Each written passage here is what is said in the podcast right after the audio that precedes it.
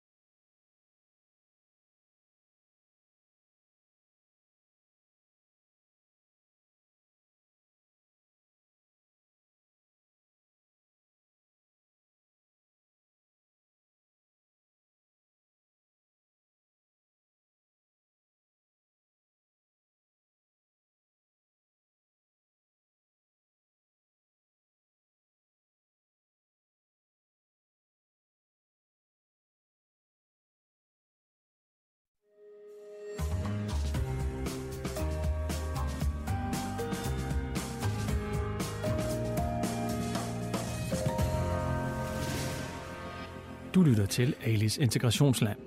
En berlingske podcast med Ali Aminali. Jamen, øh, velkommen til, kære seere og jer lyttere senere hen. Alis Integrationsland, live fra Pilestræde 34. Vi skal snakke om ghetto-listen i dag. Virker ghetto-listen, eller ødelægger den mere end den gavner? Altså, hvad skal vi overhovedet bruge den til? Eller skal vi bare droppe den? Alle de her fantastiske spørgsmål. Antallet af boligområder på den såkaldte ghetto-liste er siden sidste år næsten halveret. Øh, og det er jo så selv en god nyhed. Især fordi øh, steder som Gadehavgård, øh, Højtostrup, Angervej, øh, Holbæk, Munkebo, Kolding og Finlandsparken, Vejle, som tidligere har været kategoriseret som hårde ghettoer, er nu væk fra listen. Og hårde ghettoer, det er altså hårde ghettoer. Det er ikke de der små problemer, der har været der. Men modstanderne af ghetto-listen mener, at den er diskriminerende og har ingen effekt øh, og den ødelægger mere, end den gavner. Men holder det stik? Og hvad med alle de ressourcer, der bliver tilført i området, der er på de her lister? Er de så spild af penge? Skal vi så droppe dem? Bruge dem på grøn energi? Det er jo reelt set noget, vi burde undersøge og kigge på eller snakke om. Og det vil jeg faktisk gerne gøre i dag. Øh, og som sagt, mit navn er Ali Minali og Alis Integrationsland. Og for at kunne have en ordentlig debat eller en samtale omkring de her emner, så bliver man jo nødt til at have vores øh, boligminister i studiet. Kåre Ja, ja, Dybvad? jeg er her. Bæk, socialdemokrat fra Holbæk. Er du vokset op i en, øh, et, øh, et belastet socialt udsat boligområde? Nej, Nej. Jeg Hvor er du- vokset op helt ude på land. Vibrød Mark. Ja, okay. Det var langt væk fra de der... Der var også øh, folk, der var meget socialt belastet, men det var på en anden måde. Det var mere sådan, altså man skal forestille sig sådan et låsbysvendt, sådan nedslidt hus med Okay. gulvet Det er lagt også lige direkte oven på jorden og Ja. Skimmelsvamp og sådan nogle ting. Så det er på en helt anden måde, end det er i, i udsatte boligområder. okay. I panelet har jeg også øh, projektleder, projektchef. Jeg ved ikke, hvad du vil kalde dig selv, men Kasper Søstrøm, velkommen til. Hvor er det, du er projektchef henne, Kasper? Det er for den boligsociale helhedsplan i Fredericia. Ja, og du er uddannet. Socialrådgiver.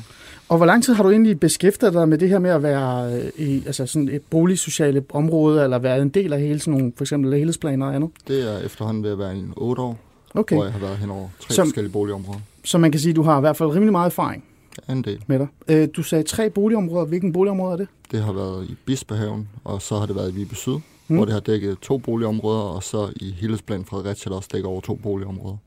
Og Bispehaven, det er i Aarhus. Ja. Hvor mange af dem har, er på, eller har været på en hård ghetto-liste? Jamen, det har de vist næsten alle sammen været. At uh, Bispehaven er i hvert fald stadigvæk på den, og hvad hedder det? Fredericia har ikke været på den hårde, men har været på ghetto-listen, og har nu ingen områder på. At, Mm. uh, der har man tidligere haft to områder Mm. på.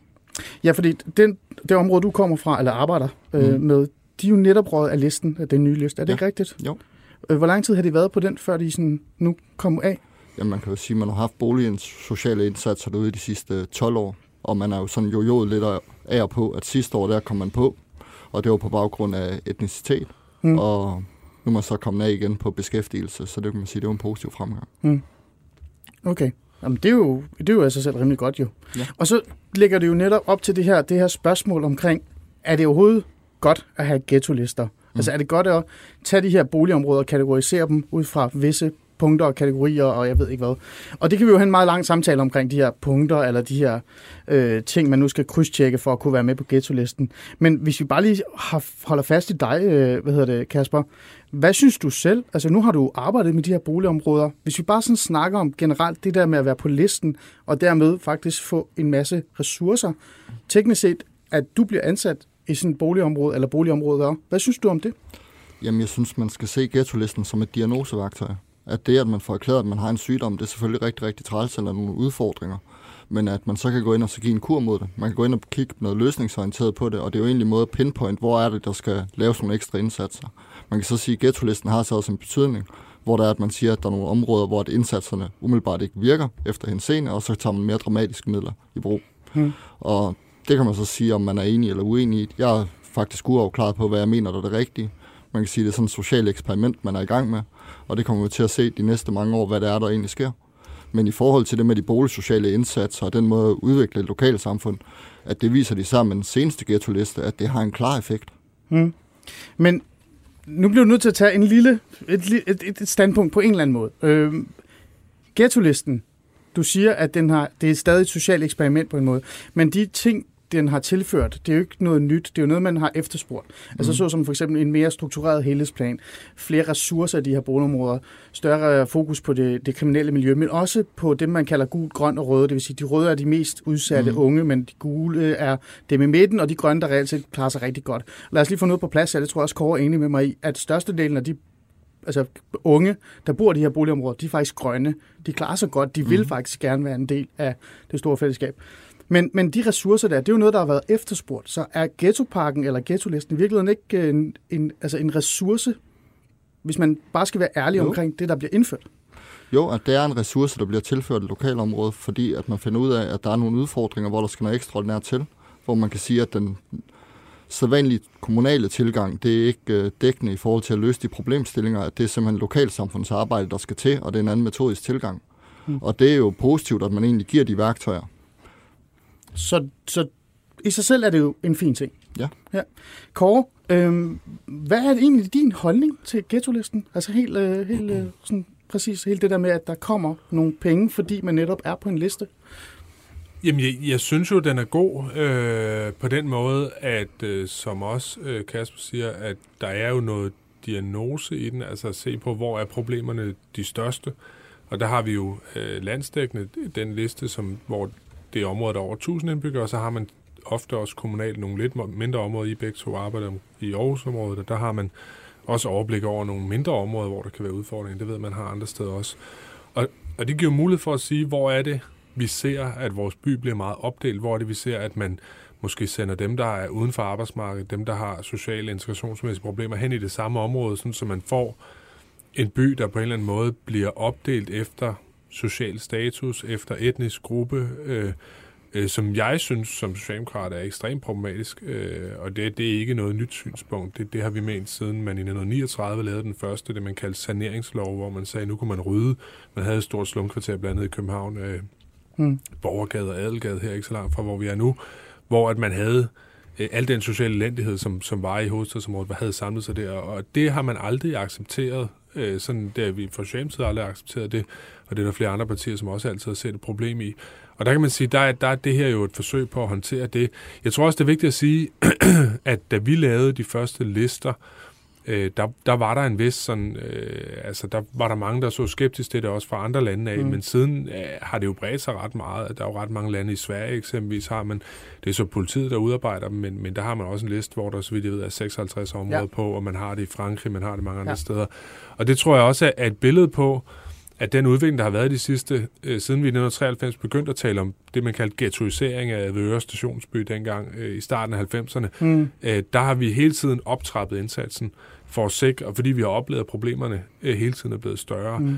Og der, og der bliver man jo nødt til at sige, at øh, nogle gange har vi været dem, der har taget de mest drastiske redskaber Altså, når du siger vi, hvad mener du? Vi mener, du mener, Socialdemokratiet, at, eller mener du... øh, Både Socialdemokratiet, men, men altså den danske, altså Folketinget kan man vel sige, ikke? Altså Jo. der, hvor loven bliver vedtaget. Øhm, men vi har i Danmark taget stadig mere øh, vidtrækkende redskaber i brug, i takt med, at vi har set, at nogle områders problemer ikke blev løst med det, der var før. Altså Avedøre Stationsby blev løst med nogle af de ting, man Mm. gjorde før, men Voldsmose blev ikke løst, og, og derfor har man så forsøgt med nogle nye ting. Og der tror jeg bare, det er vigtigt at sige, at hvis ikke man havde gjort det, øh, så skal man jo bare se til de lande, hvor man ikke øh, hele tiden har optrappet indsatsen. Altså mm. se til Sverige, åbenlyst eksempel, øh, som, som minder rigtig meget om os i den måde, de har opbygget deres samfund Mm. mm. på, hvor man altså har været meget skeptisk for øh, at skulle gå ind og håndtere eksempelvis særlige integrationsmæssige problemer i nogle områder, hvor man, hvor man, øh, hvor man ikke synes, at man skal prøve at blande men, men Kåre, boligformerne. altså, er det ikke, nu skal jeg være sådan lidt djævelens advokat, Ja, nu det er det jo et holdningsbordet medieprogram, det her, øh, og jeg er jo borgerlig, så det er ikke, fordi jeg sidder her og tænker, oh, han skal ikke have lov til at sige alt det, han bliver ved med at sige lige nu, det er fantastisk. Men, men er, er det ikke også bare for nemt at trække Sverige op hver gang? For det virker som om, hver gang jeg har også været i den her debat, så siger man, jamen bare prøv at se Sverige. Fordi de har klaret sig fuldstændig. Øh, fordi folk, jeg taler med i forhold til ghetto-lister, de siger jo, jamen der har jo ikke været ghetto-lister i Frankrig, der har ikke været ghetto-lister men de har jo haft nogle hårde indsatser. Det har jo stadig bare ikke virket overhovedet. Og der er også mange, der siger, at der er jo ikke noget belæg. Altså den der typiske, den tror jeg også, Mm. Kasper, du kender. Mm. Der er jo ikke noget fagligt belæg på, at ghetto-parker og ghetto-lister virker. Øhm, altså, hvad, hvad tænker du omkring det? Jamen der tænker jeg først og fremmest, at der er masser af fagligt belæg for, at det mål, som vi ønsker at opnå, som er blandede øh, byer, altså at der er folk, der møder hinanden på tværs, at når man er nede i Netto, at så er der nogen, der har en anden øh, løncheck, end man selv har, der er nogen, som har en anden hudfarve, end man selv har. Altså det, at man har blandet boligområder, møder hinanden i hverdagen, går i skole med børn, der, der er anderledes end ens egen børn osv., øh, det er der masser af altså, øh, solid dokumentation for, at det hjælper særligt de elever, som, som har det rigtig sværest, altså har det sværeste udgangspunkt. Øh, så kan man diskutere, jamen hjælper det præcist at ændre beboersammensætningen i et område, øh, og det kan godt være, at man ikke har fuldstændig evidens for det. Jeg vil også sige, jeg synes, det ville være mærkeligt som politiker, hvis vi sagde, øh, vi tør ikke lave det her eksperiment, fordi vi har ikke noget evidens for det, men på den anden side kan vi heller ikke finde noget evidens for det, for der er ikke lavet den her type eksperimenter. Mm. Altså så ender man jo også lidt i ja, altså en Ja. catch-22, hvis man ikke Ja. må gøre noget, men samtidig så vil man sige, at man må ikke gøre noget, før man har Okay. øh, før man har på en eller anden måde har efterprøvet det. Ja. Og der vil jeg sige, øh, de erfaringer, vi har, øh, de steder fra, hvor man har lavet de indsatser, Advøre Stationsby blandt andet, hvor man har taget ret drastisk fat i Ballerup, hvor man har sørget for at blande øh, etniske grupper sociale grupper ud blandt byens boligområder, og også nogle af de første erfaringer fra Aarhus Vest, jeg synes jo sådan set peger på, at, at, øh, at der er en ret stor effekt øh, Mm. af det. Kasper, hvad tænker du i forhold til den der, det der, man, man altid kommer med, at, at der er jo ikke noget belæg for det her, det virker. Der er jo heller ikke noget fagligt belæg for det, og vi har jo heller ikke noget socialfagligt omkring det. Så hvorfor gøre noget, som vi faktisk ikke ved virker, eller vi har ikke noget viden på, at det virker? Altså, jeg synes, det er billigt købt at sige, at der ikke er noget belæg for, at det virker. Fordi man kan sige, at de enkelte indsatser, de enkelte komponenter, har man jo noget evidens for, at virker. I forhold til hele det her med at ændre beboersammensætning, det ved man jo egentlig ikke, om er den rigtige vej at gå. Altså, der har man en masse bekymringer for i forhold til, laver man en vandsingseffekt, hvor der er, vi spreder problemerne ud over større områder? Mm. Gør vi noget, hvor der er, vi egentlig ændrer på nogle ting, hvor vi egentlig ikke helt ved afkastet bliver på det? Fordi man ved jo, at folk de flytter sammen med nogen, de kan identificere sig med. Skaber vi nogle nye, mindre boligområder, rykker vi dem ud til en anden del af Danmark? Eller hvad er det egentlig, der sker? Mm. Men i forhold til, om de sociale indsatser virker, i forhold til de forskellige ting, især med den nye De penge, offentliggørelse ghetto-liste, der kan man jo se, at det har en tydelig virkning i forhold til beskæftigelse, i forhold til tryghed og. Så videre, så videre. Men hvis vi så tager fat i den her kritik, der er af, af bolig, altså den her ghetto-liste, lad os bare tage fat i den nu, og lad os bare også lige sige højt i det her program. Jeg, det er ikke fordi, der står en mikrofon, der er øh, frit her ved siden af mig, og meningen var faktisk, at jeg gerne ville have en person fra almen modstand med, eller en af de her øh, minoritetsetniske debattører, eller sociologer eller andre, der har været med til at, altså der har kritiseret ghetto-listen mm. meget offentligt, men der er svært ikke nogen, der har haft tid eller mulighed for at være med, øh, og det er jo i sig selv øh, et sjovt lille ting. Der har været en fra Almen Modstand, en øh, person, der hedder Alex fra, fra Aarhus, nu nævner jeg ikke hans efternavn, fordi det er irrelevant. Øh, han, han kunne ikke træde til på så hurtigt, øh, mm. fordi at jeg, det havde været svært ved at få fat på ham. Men de her, de fremlægger jo det her synspunkt, at det er også diskriminerende. Altså at man netop sådan går hen og så siger, det her, du siger det her med, at man Mm. skal blande folk. Hvorfor, hvorfor blande folk? Hvorfor bare ikke lade mennesker bo der, hvor de bor, og så være ligeglad med den her minoritetsbaggrund? Være ligeglad med, at det er et mangfoldigt boligområde. Mm. Min bekymring har altid været, eller min øh, sådan uforstående i forhold til den, har jo altid været sådan lidt, Men det er jo ikke et mangfoldigt område, når størstedelen af beboerne er fra ikke-vestlige lande. Altså hvis vi kigger på Gellerup, der er det over 80 procent. For mig er det jo ikke mangfoldigt, for der mangler jo nogle danskere, så mangfoldigt er det jo i virkeligheden ikke. Men kan du købe, altså forstår du den argument, altså sådan, at det nærmest er diskriminerende, men sådan, synes det allerede er skidt, fordi man tænker sådan? Jeg tror egentlig, at det er mere en retorisk udfordring. At jeg tror, det er fordi, man har valgt at bruge... Det er retorisk eller, udfordring. Eller det er mere i forhold til de begreber, man bruger. Når det er, man har valgt fra starten at kalde det for ghetto, så sætter man bestemt præg på det. Når der er, man vælger at sidestille etnicitet med kriminalitet, så er det det her, at det lige pludselig bliver en kamp omkring etnicitet, det bliver en kamp omkring religion. Hvis det var, at vi arbejdede i forhold til at sige, at det er uddannelsesniveau, det er beskæftigelsesgrad, det er kriminalitet og andre ting, så tror jeg ikke, man vil se det som et angreb på en kultur, og i folk, folk der kommer fra andre steder at det er, at folk de bider sig fast i nogle af de her ting, fordi det skærer så meget i øjnene. Og det ved jeg da også, sådan en som Kåre, han er ikke fan af ghetto udtrykket. Mm. Og i forhold til, at man også har etnicitet på listerne, at vi stod i Korskaparken, hvor at vi var faldet i beskæftigelse. Altså, der var flere, der kom på arbejdsmarkedet, men der var kommet flere anden etnisk herkomst. Og så blev vi klassificeret som et værre område sidste mm. år. Og så skal vi stå og forklare og sige, jamen, hvorfor er I blevet et værre område? Jamen, det er vi i realiteten ikke. Der er bare blevet ændret i den etniske sammensætning, men folk kommer mere og mere i arbejde. Mm. Men, så. men betyder det så, at det du siger, det er, at du kan ikke se, at der er et problem i forhold til den her etnicitets, altså det her blandings... Øh, øh, problematik, nogen vil mene. Det vil sige, at størstedelen af dem, der bor i de her boligområder, er ikke vestlige. Øh, hvis du fjernede de andre ting, at du sagde, at man havde et boligområde, hvor at folk var primært af en etnicitet, og at de var i arbejde, at der ikke var noget kriminalitet, de var højt uddannet og alt muligt andet. Så som socialarbejder kan jeg ikke se et problem i det. Mm. Okay, interessant. Uh, lad mig lige bare lige uh, nævne en, uh, en kommentar, Kåre, før jeg giver den videre til dig. Uh, Katrine Brygger har skrevet i, uh, i kommentarfeltet, det er ikke noget modstandere mener. Det er en klar udmelding fra både FN og EU og Justitia, hvis det ikke lige præcis Justitia også har sagt det, at ghettoparken er diskriminerende. Sprogbrugen, der sætter fokus på ghetto-listen frem for ghetto-liv, ghetto-liv-lovgivning, er fremmende og illoyal i forhold til problemet, og den lovforankrede sociale diskrimination, der underbygger ghettoparken, er det egentlige problem.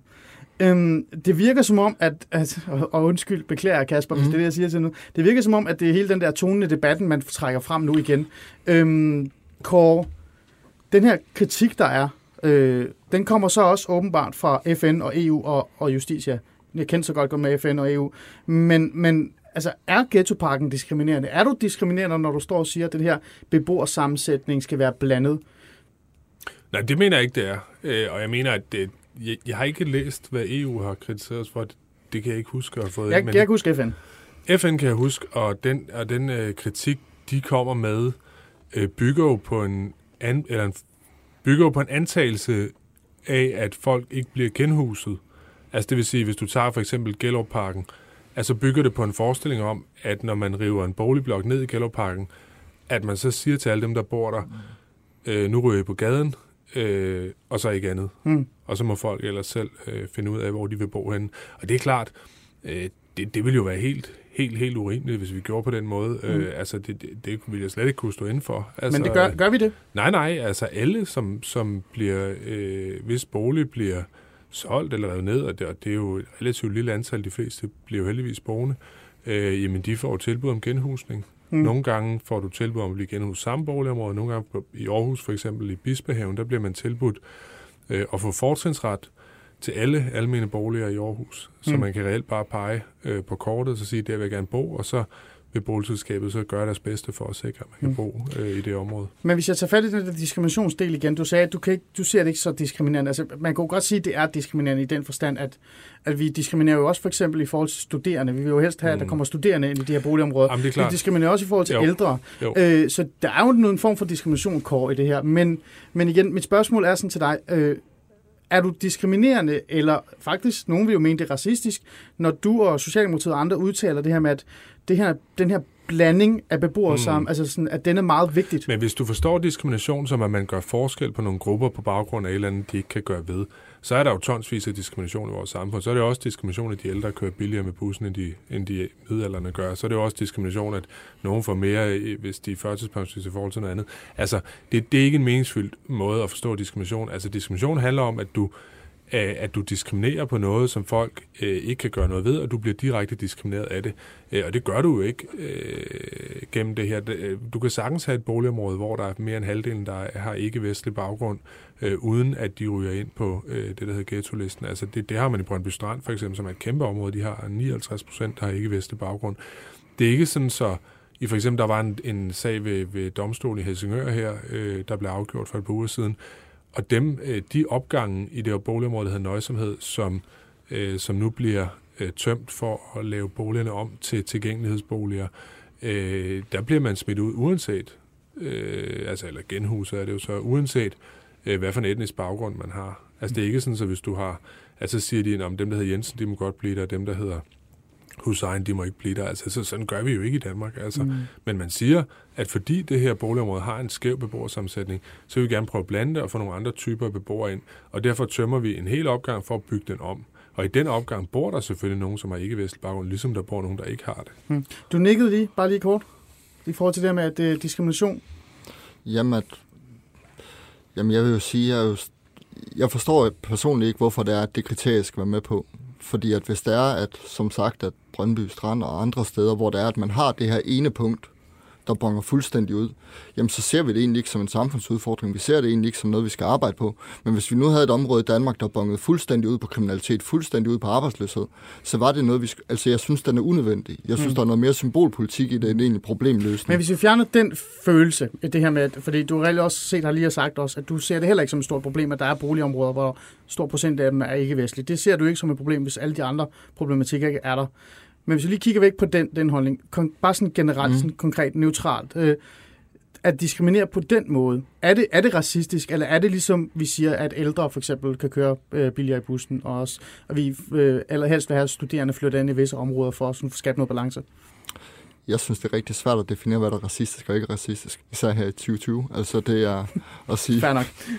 at øh, det, det kan jeg ikke komme til dommer om. Nej, ved du hvad, og det tager vi en skiller på, bare der. Jamen, øh, du ser med Alice Integrationsland. Vi har Kåre Dybvad, vores boligminister i studiet, og vi har Kasper Søstrøm, øh, projektchef, leder, alle de der ting. Sådan en form for mellemleder for DR-agtig af en art øh, i et boligsocialt øh, område i, hvad var det, det var? Fredericia. Fredericia, ja. Det er rigtigt. Vi talte om det her med, at man mener, at ghettoparken er racistisk eller diskriminerende, og øh, det kan vi så blive ved med. Jeg kan komme med utallige øh, eksempler på, at de her øh, folk, der er imod øh, ghettoparken, for eksempel for almindelig modstandere og andre, sådan tager konkrete eksempler på, at det her det er racistisk, og det, det, det, og det kan vi blive ved med flere timer. Men jeg synes faktisk nu, når vi har en helhedsplans øh, øh medarbejder og leder, og vi står faktisk med en socialrådgiver, som også selv har arbejdet i boligområdet, så er det meget godt at tage fat i den der helhedsplans indsats og de sociale indsatser, der er i boligområderne. Altså det vil sige, det ghettoparken giver et mm. boligområde. Så lad os tage mm. den og så se, giver det mening overhovedet så? Mm. Er det overhovedet noget positivt? Boligområderne. De boligsociale boligområder, altså de socialt udsatte områder, ghettoerne, øh, mm. Bispehaven, Gellerup, Voldsmose, øh, Tingbjerg, øh, Mølnerparken, de får jo ekstremt mange penge pumpet ind i de her boligområder. Kasper Søstrøm, hvad er det, de penge bliver brugt på, sådan cirka? Hvis der man kigger på traditionelt kommunalt, så arbejder man meget med den enkelte familie, man arbejder meget med den enkelte arbejdsløse. Det, det boligsocialt gør til en forskel, det er, at det lokalsamfundsarbejde, hvor der er, at man arbejder mere på gruppedynamikker, man arbejder mere på at modarbejde de flertalsmisforståelser, der kan være, og man egentlig laver en opkvalificering af lokalmiljøet ude okay. i boligområdet. Helt almindelig sprog, helt almindelig samtale. Kig på mig her, Kasper. Ja. Normal øh, dansk, så vi alle sammen kan forstå. Hvad bliver pengene sådan reelt set brugt til? Aktiviteter, øh, rådgivning, vejledning, støtte? Øh, Alle ting. Altid. At man kan sige, sådan en boligsocial helhedsplan, som vi har i Fredericia, der ligger 18 projekter under, som ligger under helhedsplanen, og så ligger der knopskydninger, som måske er på en 23 projekter. Mm. Og det er alt i forhold til iværksætterforløb, hvor unge lærer at få lave en virksomhed, til forældregrupper for unge, eller forældre, der har unge mennesker med udfordringer, til at en rigtig stor del af vores indsatser, det er beskæftigelsesindsatser, hvor man har en metodisk anden tilgang end det kommunale klassisk har. Hmm. Så du vil sige, det er sær indsatser, med, med, altså med altså det vil sige helt normalt boligområde i Danmark, det, ville i hvert fald være meget glad, hvis de fik de her indsatser. Hvis der lige pludselig det, var en, en medarbejder, der lavede aktiviteter dagligt for dem, og der var en, en rådgiver, der var til, tilgængelig hver 24-7, hvis der var nogen, der havde brug for hjælp. Det tror jeg egentlig ikke. Jeg tror, man vil være lidt træt af os. Jeg tror, at... Øh, man vil være træt af jer? Fortæl mig altså, Hvis det var, at jeg havde en socialarbejder, der bankede på min dør, og sagde, skal vi ud og lave et eller andet, og skal vi lave nogle forskellige aktiviteter, det vil ikke være et behov. Men der er nogle ting, hvor at i de her boligområder er det hele blevet mere komplekst. Der er nogle andre udfordringer, hvis du gerne vil være fodboldtræner i et område, hvor 50 procent af de unge er med udfordringer, og hvor der er nogle andre problemstillinger. Så her går vi egentlig ind og afbløder alle de problemstillinger, som der kan være i et boligområde, og vi når selvfølgelig ikke i mål med 100 procent, mm. men det er, at vi udvider det netværk, som folk har. Vi sørger for, at øh, kan kigge på en hel familie, når det er, at de kommer ind til os. Mm. Og så sørger vi også for at være til stede i området, så vi egentlig kan understøtte og brobygge over til det kommunale, som har meget, meget store udfordringer med mange af de målgrupper, som vi lykkes med. Mm. Fordi I er jo nemlig ikke ansat, altså de, de projekter, der kommer fra Landsbyggefonden, som er under Kors øh, boligområde, mm. De, er, de kommer fra Altså, de kommer fra Landsbyggefolken, mm. men de er en del af, I er ansat i boligselskaberne, ikke? Er det ikke rigtigt forstået? Øh, og så er I samarbejde med, øh, med kommunerne? Jo, at rent teknisk set, så er vi jo ansat under Landsbyggefondens midler ind i boligselskaberne, men med medfinansiering. At vi har jo rigtig mange forskellige samarbejdspartnere, og okay. det er jo alt fra biblioteker til jobcentre, ja. til gadeopsøgende til ja. politi. Ja. Kåre, det har vi jo faktisk meget talt om før, den, der, øh, den her særlige indsats, og den indsats, mm. der kommer fra Landsbyggefonden. Det er jo under dit ministerie. Øh, jeg ved, at du er bevidst om, at hele den her øh, helhedsplansindsats er også blevet, altså blevet bedre, altså blevet forbedret. Mm. Der har været mere fokus. Det er jo også noget, der er kommet med, med ghettoparken og, og ghettolisten. Det var noget, der satte det i gang. Det kom lidt før, men det kom med, med det. Øh, er, du, er du tilfreds med, med, at der bliver indført de her særlige ressourcer ind i de her boligområder? Er det, er det, er det godt? Nej, men helt principielt mener jeg, at det er en forkert måde at gøre det på, det man har gjort siden 2006. Øh, der sagde man, at Landsbyfonden, som jo er sådan en, altså en opsparing for lejerne i den bolig, almindelige boligsektor, at de skulle betale for de her boligsociale indsatser, det, det mener jeg er en bagvendt måde øh, at se det på. Det er jo øh, de 20 procent af danskerne, som øh, ofte har nogle lavere indkomster, øh, altså generelt kortere uddannelser også, og, øh, de skulle så betale for nogle sociale indsatser, som jo reelt øh, Øh, er en, en kerne øh, kommunal opgave. Øh, og derfor mener jeg også, men nu har vi haft det i mange år, der er rigtig mange boligorganisationer, som er meget glade for det, og der er mange, der siger, at hvis det var rent kommunalt, vil man ikke kunne lave den samme formidling, fordi så vil man ligesom være inde i et kommunalt system, og der vil være større mistillid osv. Jeg synes, der er nogle okay færre argumenter imod at lukke det helt, og derfor så har vi valgt at, at skalere det lidt ned, og så i stedet lægge nogle af pengene ud til de kommuner, som er hårdest ramt. Øh, Aarhus, Slagelse, Odense, Helsingør osv., øh, sådan så de kan lave øh, de indsatser, som de synes giver bedst mening i de udsatte boligområder. Det kan jo være, at de skal så give nogle penge til, til de boligsociale projekter, helhedsplaner. Det kan også være, at man skal opruste øh, på den lokale folkeskole. Det kan også være, at man skal sende nogle jobcentermedarbejdere ud, prøve at få folk i arbejde på den måde, som man har gjort flere steder med meget stor succes. Men det vil jo så være en lokal beslutning, hvordan man prioriterer det, hvor at, man kan sige, at helhedsplanerne har jo ikke været en lokal beslutning. Det har været noget, der har det har været noget, der har været finansieret øh, for langt størstedels vedkommende af Landsbyfonden og boligorganisationerne, øh, og derfor så øh, har det jo ikke været grundlag for en reel prioritering øh, øh, over for andre indsatser, der kunne give en større effekt i det samme område. Altså, vi har jo lige set ghetto-listen her sidste Var det ikke sidste uge ude jo, og annoncere den? Og der kan vi jo se, at der er nogle af de her boligområder, som har rykket sig rigtig, rigtig meget. Ja. Det er både nedrivning, men også den sociale indsats, der er. Er du ikke bekymret, Kåre? Er, er, altså, er det ikke lidt koldt at sidde der og sige, at de her penge, der faktisk reelt set måske har været med til at gøre en ændring, at de, nu, nu tager vi dem, fordi at øh, det man der ikke rigtig brug for. Øh, altså, er der ikke et bevis? Øh, er det ikke det, vi lige netop har set på ghetto-listen, at det virker? Jo, nu lyder det som om, det er mig, der tager pengene, og sådan bliver det tit fremstillet. Nå, men det, det troede jeg, det var. Nej, det er, det er et flertal i Folketinget, meget bredt flertal, alle partier undtagen øh, Liberal Alliance og Nye Borgerlige, som har været med til at vedtage den her aftale, som skærer ned på på de boligsociale midler. Øhm, okay. Men jeg vil sådan set gerne forsvare den alene. Det er bare for at sige, det er ikke noget, jeg kan sidde og gøre som minister. Det er altså noget, der kræver øh, lovgivning ned i Folketinget, og som skal have et flertal i Folketinget for, for at kunne gå igennem. Men, men jeg har det på den måde, at nogle steder har det været de rigtig gode indsatser, der har været lavet, som Kasper står for, og som mange andre står for rundt omkring, som, som virkelig gør en forskel. Mange steder for unge mennesker i fritidsjob, sørger for at få noget tryghed i boligområderne, for at ud og spille noget fodbold osv. Alt det der, vi kender. Øh, og det har der haft en kæmpe effekt, og nogle steder har der også været et ekstra kommunal fokus på det. Jeg kommer selv fra Holbæk, øh, øh, og der har det da været noget, man siden Parallelsamfundsbanken blev lavet, har man sagt, nu, laver vi, nu beder vi jobcentret om at have ekstra fokus på øh, Agervang, som det område hedder der i Holbæk. Og, og det har jo så gjort, at man i dag øh, er kommet under grænsen og ud af mm. øh, den hårde ghetto-liste, men man har altså stadig 39,7 procent der uden for arbejdsmarkedet, så det er jo ikke sådan helt gennemsnitligt trods alt, men, men man arbejder så videre med på samme måde at sige, øh, beskæftigelsesindsatsen i Holbæk skal have et særligt fokus på, på ærevang. Det er jo et eksempel på, at det nogle gange er kommunerne, der står for det gode, positive ryg, der er sket, øh, og som har gjort, at ghetto listen er blevet halveret fra, øh, næsten halveret fra 28 til 15 områder, og nogle gange er det, er det, er det i højere grad de boligsociale indsatser. Det samspil tror jeg er meget forskelligt fra by til by. Hmm.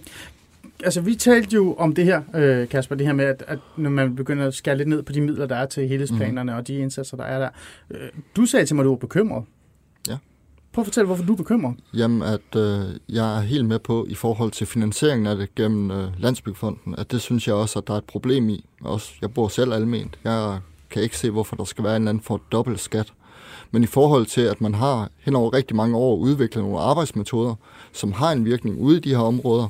Man er gået fra at have nogle projekter før i tiden, hvor de måske har været mere skadelige, end de har været gavnlige, og fået det mere over på at få gjort det skarpere i forhold til beskæftigelse. Har du nogle eksempler på nogle af de der projekter der? For jeg er jo meget interesseret i, at det, de der projekter, hvad er det for nogle projekter, vi altid sådan...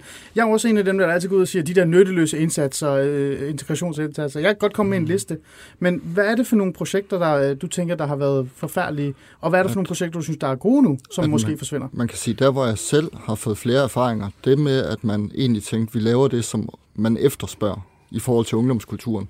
Men vi laver noget i lokalt område, hvor vi føler os trygge, hvor der er, at vi føler, at der skal være noget her for os, at det er ikke en smart måde at arbejde på. Det handler om at brugbygge over i almen, almindelige tilbud over i den lokale fodboldforening og understøtte børn og unge til at komme over i tilbud uden for boligområderne. I stedet for tilbud ind i Så de ikke bliver forankret over i dem. Okay. Beskæftigelsestilbudene, der handler det jo også om at sige, vi skal ikke gå og sidde og lave jobansøgninger og lave forskellige ting, for det er det kommunale knaldhammerne dygtige til. Vi skal gå ind og så finde, hvor er hullet mod de langtidsledige, og så op til de kommunale. Hvorfor er det, at de ikke bliver grebet af det kommunale system? Og hvor kan vi så gå ind og lave nogle andre typer indsatser, fordi vi har en anden ramme? Mm, ja. Det, jeg så er mest bekymret for, fordi jeg kan godt forstå, at man siger, at det almene skal ikke betale for det her. Men hvis man så havde sagt, vi finder pengene et andet sted. Vi skubber dem over i noget andet, der er i det kommunale. Fordi jo, der er blevet skubbet 90 millioner over det kommunale, mm. men så vidt jeg kan læse mig frem til, så er der kun 5 millioner af dem, der er blevet prioriteret ud i de områderne. Det er i hvert fald det, der står. Mm.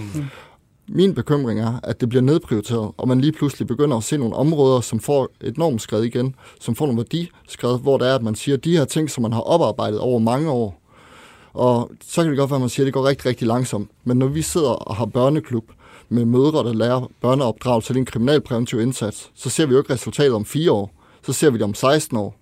Så når vi kigger på de unge mennesker, der går der nu, de er jo resultatet af mødergrupperne for 12 år siden, fordi nu er de begyndt at blive store, og man begynder egentlig at se, hvad har de gjort, når der er, man har fået de her værktøjer. Mm. Så hele det lange seje træk, man egentlig har lavet med det boligsociale arbejde, det frygter, at man går hen og fjerner, og så går man egentlig tilbage til tidligere standarder og får genskabt det her problem på lang sigt. Mm. Og det er der, min bekymring ligger lidt, at man faktisk fjerner en arbejdsmetode, som har virket. Hmm. Kåre, ja, bare lige for at sådan give dig sådan et perspektiv af, hvordan, eller sådan et, et, et billede af, hvordan det faktisk har været før i tiden. Øhm, altså, jeg kender jo helhedsplaner, hvor det bare har været to medarbejdere, der har siddet i en lejlighed, og så er det bare siddet der og drukket kaffe, og så håbet på, at nogen, der kommer på besøg, for der var ikke midler til det. Det er jo sådan noget, Kasper er bekymret for, at vi ender i igen. Altså, hvad tænker du i forhold til den bekymring? Altså, at det ikke bliver prioriteret, fordi at nu skal kommunerne selv fælde penge til det, for eksempel? Jamen, jeg tænker først og fremmest vil jeg sige, at de områder, som står på udsat boligområde listen, altså blandt andet Korskærparken, mm. øh, mange andre, vi har snakket om i dag, de vil jo være først prioriteret til de midler, der er. Øh, så, så, så dem, øh, dem vil der være altså, penge Altså de hårde ghettoer også, eller hvad? Ja, eller får altså de deres de, egen? Ja, de for... ja, de har, nej, de har ikke deres egen, men de penge, der er afsat, okay, det er et lidt teknisk regnestykke, men der er afsat 380 millioner mm. om året til to punkter. Mm. Det ene punkt hedder huslejenedsættelse, det andet punkt hedder boligsociale indsatser. Okay. Der står i loven, der må maks bruges 240 millioner på huslejenedsættelser. Det vil sige, hvis boligorganisationerne siger, vi vil hellere have boligsociale indsatser mm. End huslejenedsættelser, så kan de sådan set sagtens gøre det, og så okay. kan man opretholde præcis den samme indsats okay. i dag. Men erfaringen er, at boligselskaberne vil hellere have huslejenedsættelser end boligsociale ja, indsatser, når det kommer til i stedet for sociale indsatser. Det er det, vi, ja. det, er det Men der er vores så er der jo en bekymring. Så er der 140 millioner tilbage, og de penge, øh, lige nu, de, den sidste opgørelse, jeg fik fra midten af november, viste, at der var søgt øh, for cirka 140 millioner. Ja. Jeg må ikke bange i bordet. Du må ikke bange i bordet. Øh, det er matematik, det så bliver du helt vild. Ja. Nej, men, men essensen er bare, at, at de 140 millioner kommer til at dække nogle af de mest udsatte områder, og så er der nogle ting, der vil falde fra.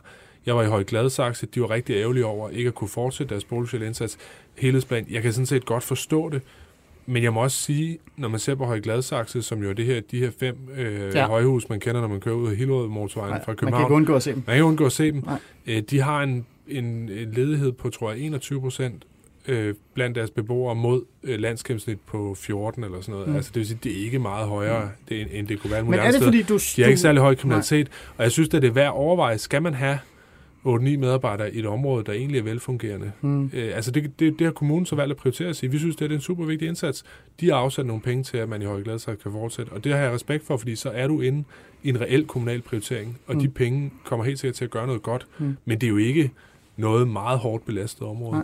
Altså i mine borgerlige ører, der er det sådan et kommunal prioritering og lokal øh, forankring, og, sådan, og det, mm. det lyder jo godt, i stedet for sådan noget projektmageri og penge, der bare bliver kastet ud i blå luft, og man aner ikke, hvad man bruger det til.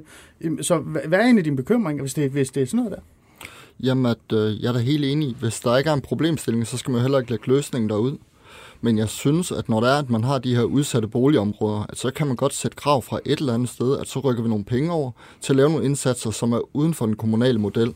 Fordi den kommunale model vil altid være, at vi tænker ned i den enkelte familie, vi tænker ned i de enkelte problemstillinger. Mm. Der skal være en underretning på et barn, før vi går ind i en sag. Der skal være nogle forskellige bekymringer, og der skal en del mere til. Hele det præventive, hvor vi rammer rigtig tidligt, mm. det taber man i stor stil, hvor der er tingene, de kan løbe lidt løbsk, inden at det er, og man faktisk kan få en rigtig negativ ungdomskultur. Men siger du så, øh, Kasper, at du ikke stoler på kommunens prioriteringer? Nej, ja. Det lyder jo lidt som om, at det er sådan lidt, fordi du, du er lidt bekymret, altså din bekymring er jo selvfølgelig, at, at der kommer det her, men du bekymrer dig også om, altså i forhold til den prioritering, der måske sker hos kommunerne, at de sådan vælger at sige, ja, Nej, jeg tror, at de bliver bevidst om problemerne for sent.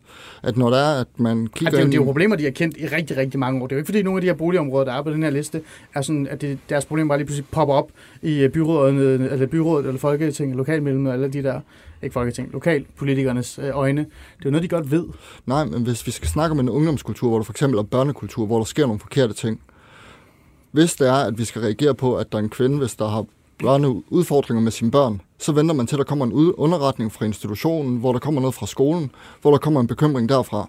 Når det er, at vi er ude at lave sociale fællesskaber, så er det jo ikke fordi, at det skal være hyggeligt og sjovt bare, men det er også fordi, vi skal lære beboerne at kende tidligt, så vi går ind med det præventive. Når hun så kommer og siger, at jeg har en udfordring, så kan man løfte over det kommunale samarbejde. Man er til stede i området, så folk selv beder om hjælpen, og man kan understøtte dem i at fastholde den hjælp, de egentlig får. Hmm. At hele det der med, at man er derude, man er der meget tidligt, det kommer man til at miste, hvis så der det er det forebyggende? Altså det er det ja. forebyggende kår. Der sidder, der sidder en, øh, en, øh, en meget erfaren øh, medarbejder, altså boligsocial medarbejder her, som også er leder nu, som er bekymret for det forebyggende mm. Det er, jo, det er jo noget af det, I Socialdemokrater går ikke allermest op i. Jeg går op i øh, dom, og jeg ved ikke straf, og jeg ved ikke hvad. Forebyggelse. Altså, Kåre, er du ligeglad med forebyggelse?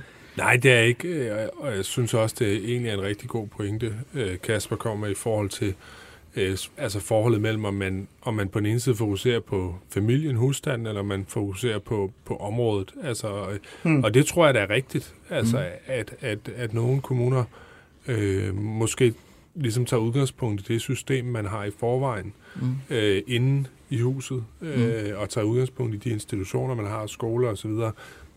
Jeg tror nogle gange også, at det er for eksempel hvis det er daginstitutioner i udsatte områder, kan have en større effekt på hmm. social mobilitet og ja. det enkelte hmm. barns mulighed for ligesom at skabe sig det liv, man gerne vil have, end, end nogle af de indsatser, som kan være andre steder. Men, men jeg synes, det er en god pointe, øh, og jeg synes egentlig, og det er jo et argument for i hvert fald at fastholde hmm. øh, en stor del øh, Men den ændrer ikke noget indsatser. i dit... Øh Altså i forhold til... Jamen, jeg synes jo, vi, vi har prøvet egentlig at lave en, en løsning, hvor, hvor, vi, altså, hvor vi siger, at, at man fortsat skal have pengene i de, i de mm. hårdest ramte områder. Altså, vi har jo ikke fjernet de penge helt. Nej. Men man må også bare huske på, nogle steder, der samler boligorganisationerne lidt af den regning op, men de boligorganisationer vil jo også spare penge, fordi de penge, der er blevet fjernet, øh, er jo ikke nogen, vi konfiskerer og bruger på julefrokosten inde i, i, i Boligministeriet. Altså, det er jo nogle penge, som så i stedet er der til at renovere almene boliger, til at sørge for, at de har en ordentlig standard, til at sørge for, at de ligesom kan få øh, energirenoveret osv. Mm. Øh, og det gør jo også, at boligselskaberne har flere penge til rådighed, og det gør jo også, at, at boligerne bliver mere attraktive, end de ellers ville have været. Hmm. Før vi går videre til det, det andet, eller det sidste point, eller det næste point, vi også skal øh, debattere, så vil jeg bare gerne lige have taget fat i de her indsatser, der har været, øh, og, og som vi reelt set er glade for. Nogle gange også er sådan lidt, hvad har vi egentlig brugt den på? Fordi vi har jo brugt rigtig mange penge Kasper, mm-hmm. på sociale indsatser. Mange af de her sociale indsatser, vi har haft, har reelt set ikke været sociale indsatser. Det har været sådan nogle aktivitetsindsatser, som du, du øh, fortæller om. Vi har jo boligområder, øh, det, det mere de hårde kernede boligområder, hvor der er tonsvis af fodboldklubber tonsvis af foreningsliv. Der er masser af det her, men de er ekstremt indelukket. Så hvis det nu er, at man siger sådan, okay, nu tager vi pengene fra dem, så de ikke eksisterer længere, så de bliver nødt til at lukke ned i morgen. Så der, ikke er, der er ikke lige 1 million eller 300.000 til et eller andet gadeprojekt, hvor øh, syv, syv drenge med, med somalisk baggrund kun skal spille fodbold med sig selv. Tror du så ikke, der måske, bare fordi der ikke er penge til det, vil komme sådan en dynamisk udvikling, som gør, at folk ender i de andre, øh, altså uden for tilbud? Øhm, tror du ikke, der, der er måske noget sådan positivt i det? Jeg altså for det første, så laver vi ikke nogen aktiviteter, som ikke har en eller anden form for dybere social mening. Ja, det gør du nej. ikke, men, men du, jo ikke, altså, du kan ikke udelukke, at for eksempel i, i Gellerup, som jeg kender rimelig godt, mm. det gør du også, Bispehaven, mm. tænker jeg alle de andre ting. Der er jo fodboldklubber, hvor det kun er somalier, der spiller fodbold, hvor der kun er araber, der spiller fodbold. Der er også foreninger, hvor det kun er somaliske foreninger. Altså, hvis man sådan nu siger, okay, kære venner, nu er der ikke flere penge til den her fodboldklub, men fodboldklubben 5 km derfra hvor det er en helt normal fodboldklub fra et eller andet sted, som ikke har noget med det her boligområde at gøre, der kan du melde dig til. Tror du ikke, der så kommer en, en dynamisk udvikling, sådan, altså at folk reelt set selv begynder at sådan, bevæge sig ud af, fordi at alle de her indsatser ikke er i selve området, fordi der ikke er penge til det? Jamen rigtig meget fodbold i Aarhus, det foregår jo ude i Lysing, hvor hele Aarhus Vest tager derud. Men for at gå sådan lidt mere skarp på det. Vi har også lavet enkelte forløb, hvor der man har taget en lille gruppe af unge, sendt dem til boksning, sendt dem til noget, men det er fordi, de ikke har kunne passe ind i de ordinære tilbud. Så det har været, hvor vi har sagt, at vi giver det her en deadline på et halvt år, hvor vi laver en adfærdsregulering, hvor vi giver dem noget selvsikkerhed i at være i tingene, og så kan komme over i det. Hvis det er, at man laver tilbud, som ikke er drevet af lokale frivillige, som er i området drevet af professionelle, og man gør området mere og mere afhængig af professionelle, jamen så skal det jo stoppe at det skal jo ikke være sådan, at vi begynder at have betalt foreningsliv, og man begynder at have alt muligt. Men det handler om at opkvalificere og understøtte det foreningsliv, der står over for en mere kompleks udgave, hmm. eller opgave. Men du kan godt se, hvad jeg prøver at, sådan, at, at spørge dig, altså udfordre det. Fordi ja, vi har for eksempel øh, sidste uge, var der, jeg kan ikke huske præcis, hvem det var, der skrev det, men der var en klumme i, i Berlinske hmm. sidste uge af en integrationskonsulent, eller en, som fortalte om, at han havde selv boet i de her boligområder, øh, og han havde været en del af en fodboldklub, mm. uden for de her boligområder. Og øh, han ville, øh, altså, de slås med at betale kontingent, fordi de havde ikke nok medlemmer. Og så mødte de tilfældigvis en, en uh, fodboldklub, som var fra et boligområde, altså mm. altså socialt udsat boligområde. De fik alt betalt. Og da de så snakkede med dem og spurgte dem, skal vi ikke slå os sammen? Så mm. var de sådan, nej, hvorfor skal vi gøre det? Vi får alt betalt, vores kontingent bliver betalt, vores fodboldstøvler bliver betalt. Hvorfor? Vi bliver bare her. Mm. I kan jo bare hygge ud med det. Hvis vi tager de penge, mm. og siger, nu bruger vi dem på folkeskolen, vi bruger dem på den lokale forening, vi giver en fodboldbane, ikke ude i de der socialt udsatte områder, men vi giver en fodboldbane til en eller anden øh, ja, langt bortestand klub, som mm. ligger langt væk, ikke, som har brug for det, så kan det være, at nogle af de her mennesker selv bevæger sig ud af de her områder. Kan du ikke se, der er en mening i det? Jo, jeg tænker da, at øh, dem, der fungerer udenfor, de vil også bevæge sig automatisk udenfor, men der vil være en restgruppe, at hvis vi går 10 år tilbage, så har vi jo brændt af scooter og forskellige med unge mennesker, der hang ud i opgange i stor stil, fordi de ikke kunne falde ud af at navigere uden for deres lokalområde. At det handler om at lave en træningsbane i lokalmiljøet, som kan føre dem over i nogle andre steder. Det handler bare ikke om, at man skal forankre dem så stærkt i deres lokalområde, at de ikke kan bevæge sig udenfor. Hmm. Så der er en balancegang og nogle nuancer i det. Okay. Kåre, den her, den her idé om, at man skal styrke rundt omkring boligområderne, i stedet for at styrke inden for boligområdet, det er jo sådan noget, jeg sådan har prøvet at sælge rigtig mange øh, folketingsmedlemmer og lokale øh, politikere og andre ting. De har aldrig rigtig været med på det. Kan du se, der er en mening i det, hvis man sådan begynder at stoppe med at smide flere penge ind i et bolig, altså en socialt udsat boligområde, og så styrke alt omkring dem, så kan man få sådan en dynamisk Jamen, det synes jeg også, man gør de fleste steder, hvis jeg sige. Altså, nu har vi Øh, Danmarks Idrætsforbund har blandt andet et projekt, der hedder Get to Sport, øh, som ja, ja, nu står du og griner det skal du ikke gøre, det er sgu et godt projekt, synes ja, jeg. Det, det, visse steder er det.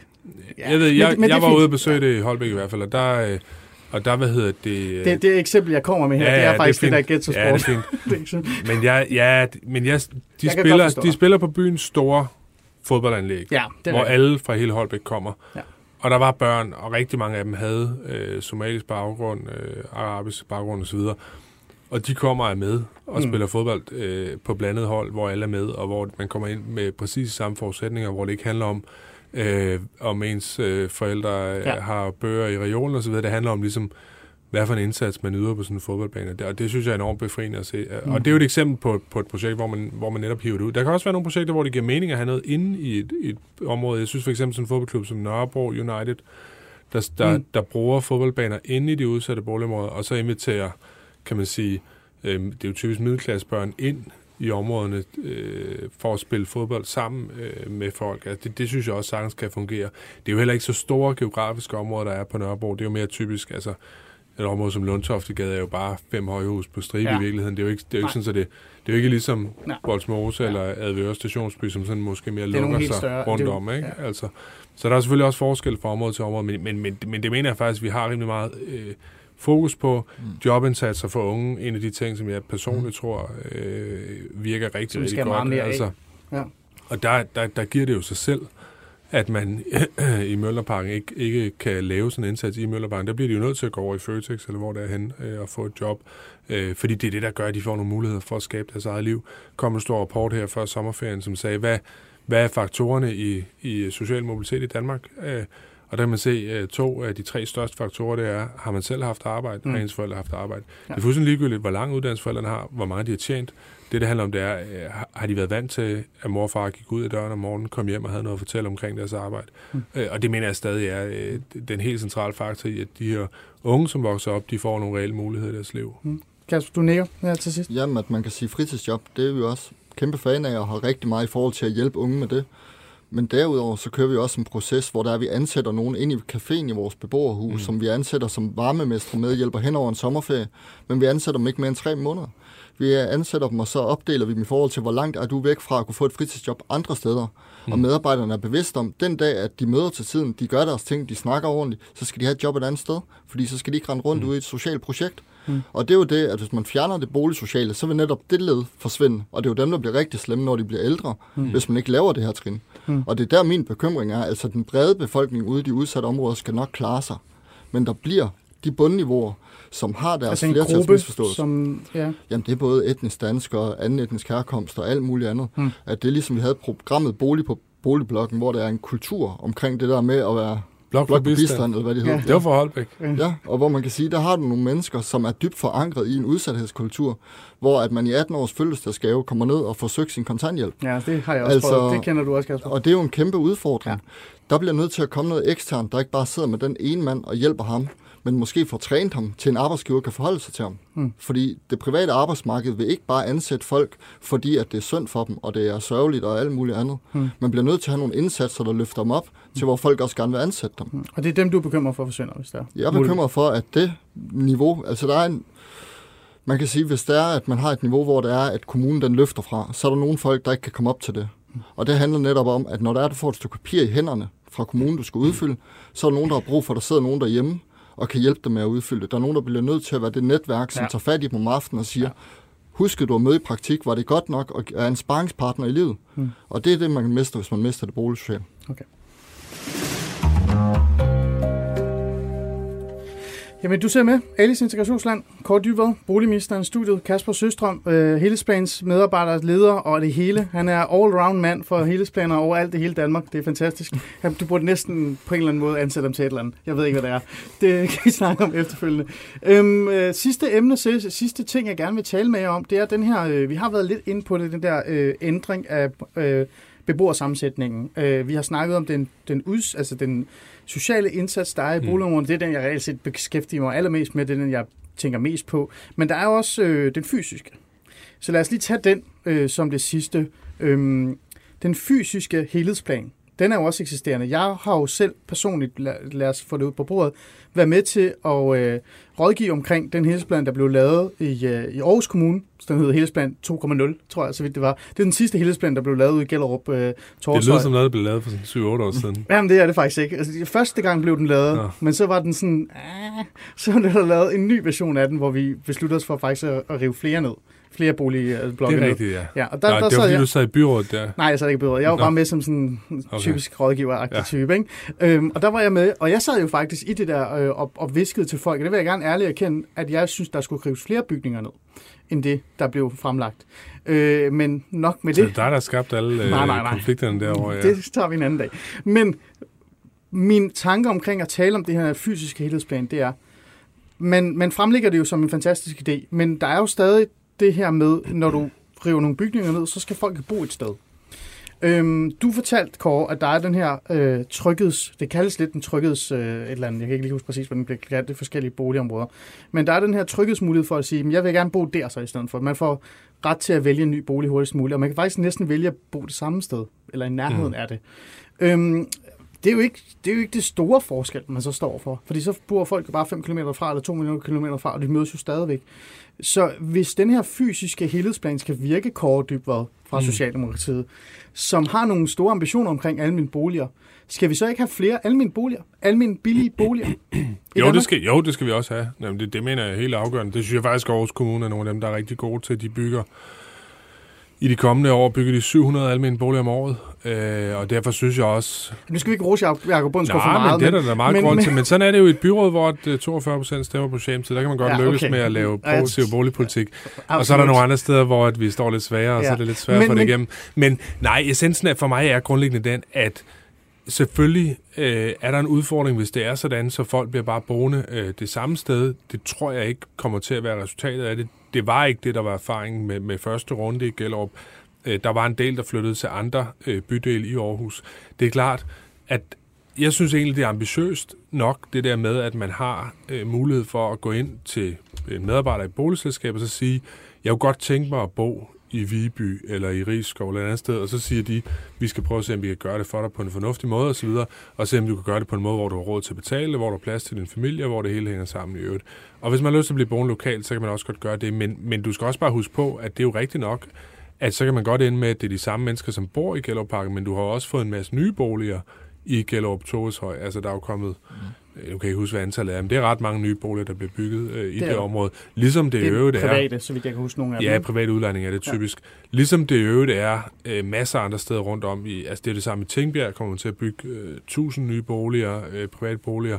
Øh, det er det samme i Holbæk, i Vejle, i Voldsmose. Alle de steder arbejder man jo med det, så man får en blandet beboersammensætning til det skoledistrikt, man kommer ned i repræsenterer øh, det danske samfund meget bedre, end hvad det har gjort tidligere. Det er jo det, er jo det der er essensen af det, det er at man møder nogle mennesker, som, som har øh, men, en anden, men en kort, anden social øh, det lyder super fedt. man selv Fantastisk, ja. og det, det er high five for det, det lyder fremragende. Men det, jeg sådan efterspørger en lille smule, det er, hvis man reelt set gerne vil have et opgør med de her socialt udsatte områder, ja. og hvis man faktisk mener, at en blandet beboersamling er, er, er god, så er det jo ikke, at de flytter 5 km fra. Så er det jo sådan noget med, at folk, der bor i Tingbjerg, flytter til Gentofte. For eksempel de er ikke så glade for almindelige boliger. Men er det ikke det, Jamen, visionen er? Er visionen jeg, jeg, jeg ikke? snakkede med, faktisk med Gentofs borgmester den anden dag, netop om de almindelige boliger. Jeg tror nok, der skal komme de boliger mm. på Strandvejen. Almindelige ja. boliger på Strandvejen, som jeg lovede, da jeg tror til. Og det, lige det, det, du lovede, det var ja. jo, at, at Danmark blev...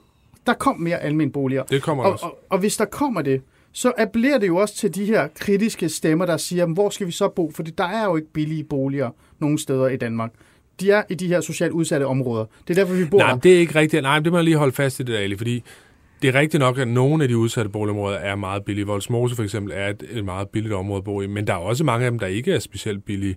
Altså, øh, Møllerparken ligger nogenlunde på gennemsnittet i København. Øh, mange af de andre områder, som er, er ikke specielt billige. Jo, Jamen, du kan gå ind og slå det efter. Jamen, jeg, jeg, jeg, jeg, nu jeg kigger du øh, skeptisk på mig, men, men altså, det, det er sådan, det er. Og der, er, og der, hvad hedder det, hvis du bliver genhuset fra Møllerparken og får en tilfældig bolig, der hedder Bovita, øh, så, så er der altså lige stor chance for, at du får noget, der er billigere, som noget, der er dyrere.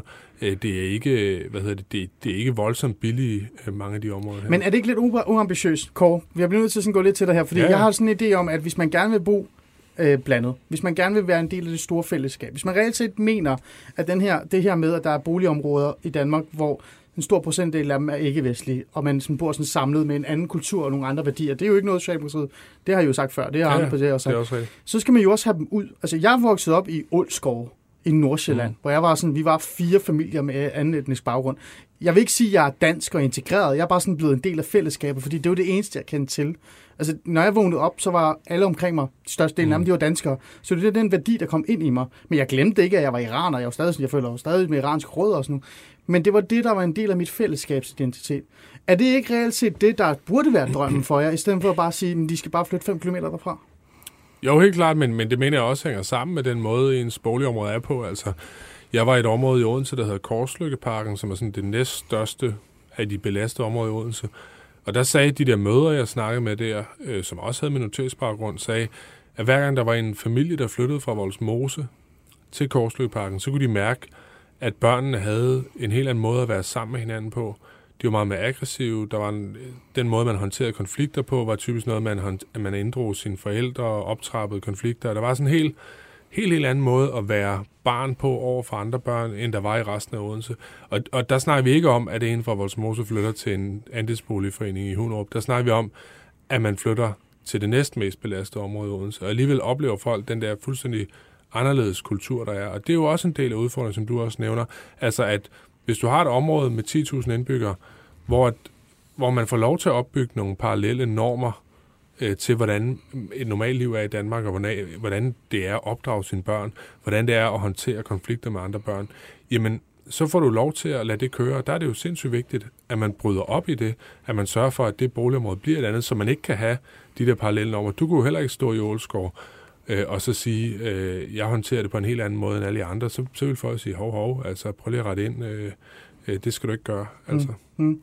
Kasper, du er jo socialrådgiver. Mm. Hele det her øh, arv og miljø, Mm. det er jo ikke noget nyt for dig, vel? Nej. Det, jeg altid har undret mig, det er lidt, nu var jeg sådan lidt efter kort i forhold til, hvad hans ambitioner omkring det her almindelige boliger, ikke? Hvis vi tager fat i dig omkring det her fysiske øh, helhedsplan mm. og nedrivning af boliger, øh, hvis man kigger på socialfaglig perspektiv, miljø, arv, miljø, bla bla, det handler jo meget om det miljø, du vokser op i, det, det bliver en del af din identitet, det bliver en del af din kultur, de værdier, de normer, de, alle ting, det er der. Er det bedste så ikke at bare nedbryde det miljø, ligesom man altid har gjort, når man har stået med sociale problemer. Flyt personen væk fra det miljø, de er i, hvis det er så negativt, som jeg mener, det er. Og så placere dem et sted, hvor, hvor der er en helt anden værdi, en helt anden, for eksempel fællesskabsværdien. Mm. Øh, altså, er det ikke det, man... Øh, altså, støtter du ikke omkring det? Altså, jeg synes, det bliver lidt for simpelt, fordi man snakker det som om, at der nærmest er en øh, forbandelse over boligerne ude i Gellerup. At det er Hvis ikke du for... kigger på statistikkerne, så Nå, jeg ikke sige forbandelse, men det er jo ikke, fordi det er Jo, fordi man har en anden, altså det er jo nærmest som om, at man tager akademikere, der flytter ud og bliver førtidspensionister. At det er jo ikke det, der sker. At man har nogle folk, der kommer med udfordringer, og man sørger for, at man har nogle områder, hvor der er noget social mobilitet. Hmm. Jo, det er det mere positivt, at man vokser op i et blandet område. Men det er jo, og måske at underkende, at det er en naturlig mekanisme. At øh, der, hvor at der er store Men, familieboliger... siger, men siger du så, nu bliver er nødt til at stoppe. Nej, fordi du er jo socialrådgiver. Ja. Så siger du til mig, at hvis jeg var vokset op i, i Gellerup, lad os sige det, jeg har to øh, iranske forældre, altså vi kom Mhm. til Danmark i 88, eller jeg kom til Danmark i 88 med min mor. Hvis jeg voksede op i Gellerup, så havde jeg klaret mig ligegyldigt hvad. Nej, Hvorfor havde jeg ikke klaret mig ligegyldigt hvad? altså man kan jo sige, at man kan jo ikke bare... Vil du indrømme det er på grund af miljøet, og, og det, den, den kultur og de værdier, der er i de her boligområder, så havde jeg været anderledes. Fordi det er ja, jo det, jeg havde vokset op det været anderledes. Hvis du er opvokset i Jylland, så har du også været på en anden måde, end du har været på Sjælland. Altså, der er Ja, forskellige men kulturer så- forskellige steder. Så stor forskel er der heller ikke. Hvis du ikke er opvokset der, så er du aldrig blevet konservativ. Prøv at, der er ikke noget, der hedder latte eller kaffe latte, eller hvad det er i Jylland, men det, det er jo ikke det store sociale problemer, vi står med. Vi står jo med nogle af de her boligområder, som har rigtig, altså der, det er jo helt andre værdier og normer og kulturelle tilgang, man har til forskellige ting. Hvis jeg vokser op i et boligområde, hvor alle omkring mig hedder Mohammed, Hassan, Fatima, og moskeen mm. er det nærmeste religiøse, rådgivningsmæssige øh, ting, jeg har, så bliver jeg jo påvirket af det. Men mm. hvis jeg vokser op i et boligområde, hvor 80% af danskere, hvor foreningslivet er stærkt, hvor man ikke går op i etnicitet mm. eller race, fordi det er bare et stort fællesskab, så bliver jeg jo påvirket af det. Ja. Kan du ikke se, der, der er nogen mening i det, at vokse op i et andet miljø, end det man har, og derfor så, hvorfor ikke bare nedbryde det? Jo, men hvis jeg nu skal tage, hvor jeg selv er vokset op ude i Hinderup, nord for Aarhus, der har man nogen, der er kommet ud, og det var afghansk familie, man havde i starten, som kom og opvoksede faktisk i de her rigtig pæne områder, hvor at der var meget flere ressourcer, der var familieafdelinger og andre, der ikke var så presset. Mm. Men lige pludselig, så tog de en vurdering om, nu skal vi ind og bo til Gellerup, nu skal vi ind og bo i Vestbyen, fordi det var helt naturligt for dem, hvor de kunne finde nogen at identificere sig med og alt muligt andet. Ja. Det kan godt være, at vi laver et grovt træk, hvor vi splitter dem nu. Men lad os ikke se, om at det rykker tilbage andre steder, hvor det er, at vi så får udfordringerne et nyt sted. Men hvis vi ikke har det område, Kasper. Jamen, der er Hvis, altid hvis, hvis, boligområder. kors, hvis, kors, hvis Kors... Men må jeg ikke bare sige en ting til det der, fordi, fordi jeg forstår godt, hvad du siger, mm. Kasper, og, og, og jeg synes også, at kritikken er meget reel at sige, selvfølgelig er det ikke, selvfølgelig er det, ikke det der er jo ikke inderne i jorden, der gør, mm. at, man, at man bliver på en bestemt måde, men der er noget i arkitekturen, der gør, øh, altså den modernistiske arkitektur, som Gellerparken er bygget på, som øh, rigtig mange af de her boligområder er bygget på, Bispehaven også, for eksempel. Også, Bispehaven også, den har, gør noget ved mennesker, fordi der ikke er noget rum imellem bygningerne, fordi der ikke er nogen menneskelig skala. Det vil sige, hvis du er et generet barn, som vokser op i Gellerparken mm. for 10 år siden, 20 år siden, så kommer du ned i gården, eller ned øh, foran øh, opgangen, og så er det det rum, der er. Mm. Altså, der, det, er en, det er en relativt et barsk miljø, du oplever, hvor for eksempel, hvis du ser øh, rækkehusbyggerier, lavt tæt byggerier, som blev moderne der i midten af mm. 70'erne, 80'erne osv., Galjebakken i Helsingør, Tænkgården mm. i Herfølge osv., dem er de områder, der er tonsvis af i Danmark, der er almene, kun almene boliger, mm. øh, der er ingen af dem, der er på nogle lister. Mm. Fordi du har, det der, du har en menneskelig skala, som gør, at du får et, et stærkt naboskab, et miljølokal osv., og det tror jeg har en betydning. Jeg siger ikke, det er det, der gør det hele overhovedet, men det er en af en række faktorer, som har en betydning i forhold til, hvordan oplever folk deres område, hvad er det for en stemning, der får lov til at dominere et område. Og det er jo også det, man gør i Gellerparken nu, mm. med at man, man tager nogle af de nederste lejligheder, og så laver nogle haver og laver sådan en overgang, sådan så folk kan have deres eget lidt private rum, samtidig med, at man har noget fællesrum. Ja, men ja. uden tvivl, at det har en betydning. Men jeg tror mere, at det, man har nogle fysisk store boliger til billige penge, hvor at der ikke har været lange ventelister, at udsatte mennesker, når der er, de skal flytte, så er det jo ikke, at de skal på en venteliste og venter to år. Så det med at lave ventelister, man har fået mange ud, og så man har fået påbegyndt en kultur, jamen så ruller det af sig selv. Mm. Og det er også det, at man er gået fra udvikling af de udsatte områder til en eller anden form for afvikling. Og det er jo, hvor jeg tænker, at man skal måske ind og kigge på, hvordan er det, at man gør det her som et leg strategisk træk. At jeg sidder der selv og frygter for de områder, som jeg står for, hvor at man er gået ned på 38,5 procent i arbejdsløshed, og derfor hverken er et ghetto eller udsat område, og hvor vi får rigtig svært ved om to år. Så der håber jeg, at man får det kommunale ind og løft helt gevaldigt, fordi ellers så ligger man og hmm. som pendul og svinger frem og tilbage på de her lister. Så du kan godt forstå det, nu er kun 40 sekunder tilbage, men du kan godt forstå det her, at det reelt set også kan lade sig gøre, men du frygter stadig, at de her miljøer bare Jamen, at popper op igen. Når det bliver renoveret, så er det de samme gardiner, der kommer op bagefter, men med fleksible udlejninger, bedre boliger i en højere kvalitet, så over tid vil man skifte beboersammensætningen ud. Hmm. Men det handler også lidt om at kigge på, hvad sker der bagefter? Hmm. At uh, det bliver lidt for simpelt. Kåre, sidste bemærkning omkring det? Nej, jeg tror bare, at mange af de områder her har en historie, hvor man fra starten af har startet med at putte alle de fattigste i byen ind i de områder. Det var det, man gjorde i mhm. Holbæk. Ryddede man husvildebarakkerne, puttede dem ind i Ærevang. De startede med at pille køkkenlågen af, sætte hønsnet op, putte høns ind under køkkenskabene, fordi de var vant til at leve på en helt anden måde. Og det sociale problem, man skabte allerede, da man indvidede de boliger, det er man ikke løst endnu, og det er det, vi prøver på. Men det håber jeg. Jeg håber, at du kan få den her almindelige boligdrøm lidt ud. Jeg har ikke noget imod, at der kommer almindelige boliger igen så ofte. De må bare tage sig sammen, være en del af det her Det er løsning. meget stor ja. en konservativ. Og med de ord, ja, så er det det. Med de ord vil jeg sige tak for, at du vil være med. Kåre Dybler, boligminister øh, for Socialdemokratiet og for os alle sammen. Og Kasper Søstrøm, Helhedsplans øh, lederchef, projektkoordinator og det hele. Og tak til jer, der så med øh, og skrev ind til os. Det var super dejligt. Glæder jeg til næste øh, tirsdag. Og Alex derude, tak fordi du lige hoppede ind og hjalp mig med at producere, øh, producere det her program i dag. Vi ses næste uge.